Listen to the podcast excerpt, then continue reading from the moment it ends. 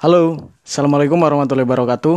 Uh, perkenalkan nama saya Riki Fauji. Saya uh, mahasiswa Setik Sedar Mausada, Bandung. Program studi satu kesehatan masyarakat. Ya, di sini saya akan berbicara tentang uh, pandemi COVID ya. Karena ya mau gimana pun kita masih ada dalam kondisi pandemi ya.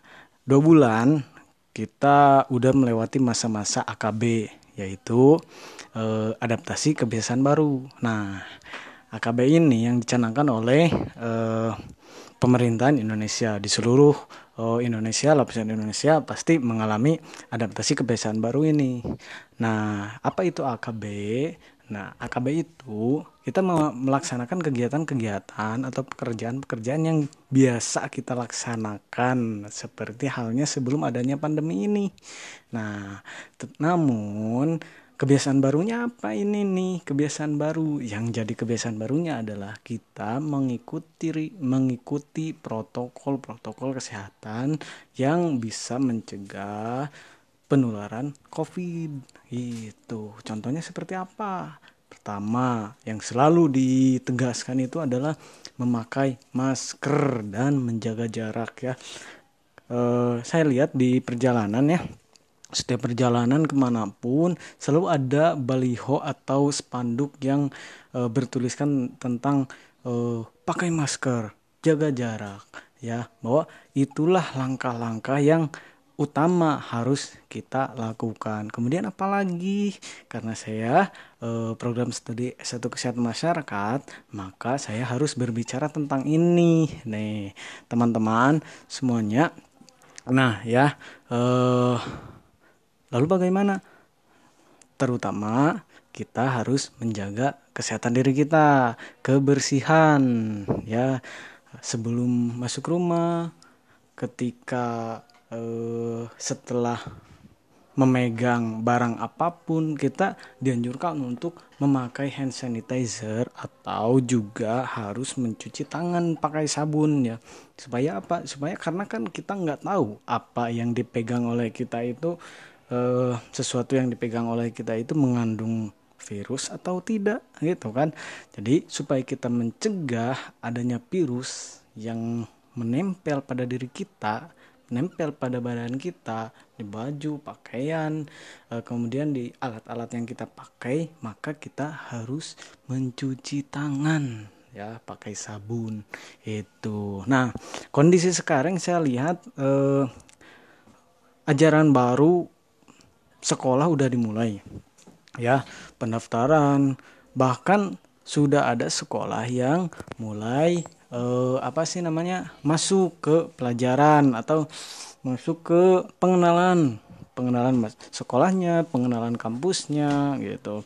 Nah yang saya lihat alhamdulillah ya uh, di sini saya selalu melihat uh, guru atau guru-guru uh, di sekolah dan dosen-dosen di kampus atau pengurus-pengurus kampus tersebut mencanangkan bahwa kita sekalipun ada kegiatan di kampus kita harus tetap uh, sesuai dengan protokol kesehatan. Artinya misalkan kapasitas uh, dari ruangan itu kita perkecil jadi 30% yang awalnya misalkan ruangan itu bisa menampung eh, uh, 30 orang. Nah, berarti kita uh, sekarang hanya menampung 10 orang supaya apa? Supaya bisa menjaga jarak antar uh, orang-orang yang ada dalam kegiatan tersebut. Maka nah itulah cara-cara yang harus dilaksanakan. Nah, artian sudah ada kebiasaan baru yang kita terapkan. Harapannya adalah semoga covid ini dengan kebiasaan-kebiasaan baru kita uh, segera uh, segera terlepas dari pandemi ini gitu. Sehingga kita bisa bisa apa sih namanya bisa berkegiatan bisa melakukan kehidupan kehidupan yang lebih bebas lagi terutama dari segi uh, kesehatan tidak ada yang kita takutkan lagi gitu. Karena yang saya lihat atau yang saya baca dalam dan saya juga mendengar dari apa sih dari statement-statement dari pembicara-pembicara bahwa yang membuat orang mati karena COVID itu sebenarnya bukan hanya virusnya, tapi semangat hidupnya yang hilang gitu. Maka dari itu kita harus tetap semangat hidup, harus uh, bisa melawan pandemi ini. Dalam artian kita harus tetap memaksimalkan hidup kita, menjaga kesehatan untuk melanjutkan kehidupan ya. Maka dari itu jagalah kesehatan, jagalah kebersihan diri dan ikuti protokol kesehatan jika kita melaksanakan kegiatan-kegiatan di luar rumah ya karena mau bagaimanapun kita sekarang masih ada dalam kondisi pandemi.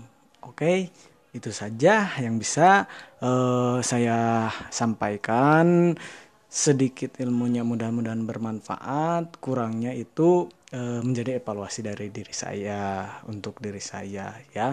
Terima kasih. Kemudian saya juga ucapkan terima kasih untuk dosen saya Bapak Ijeb Ruhyat yang telah memberikan tugas yang sangat bermanfaat ini gitu ya ini bukan semata-mata bikin podcast bukan semata-mata bikin video tapi ini adalah suatu latihan supaya kita pandai dalam menyampaikan informasi-informasi. Maka dari itu, terima kasih teman-teman sudah mendengarkan ini. Semoga ilmunya bermanfaat bagi teman-teman dan tetap semangat. Terima kasih. Wassalamualaikum warahmatullahi wabarakatuh.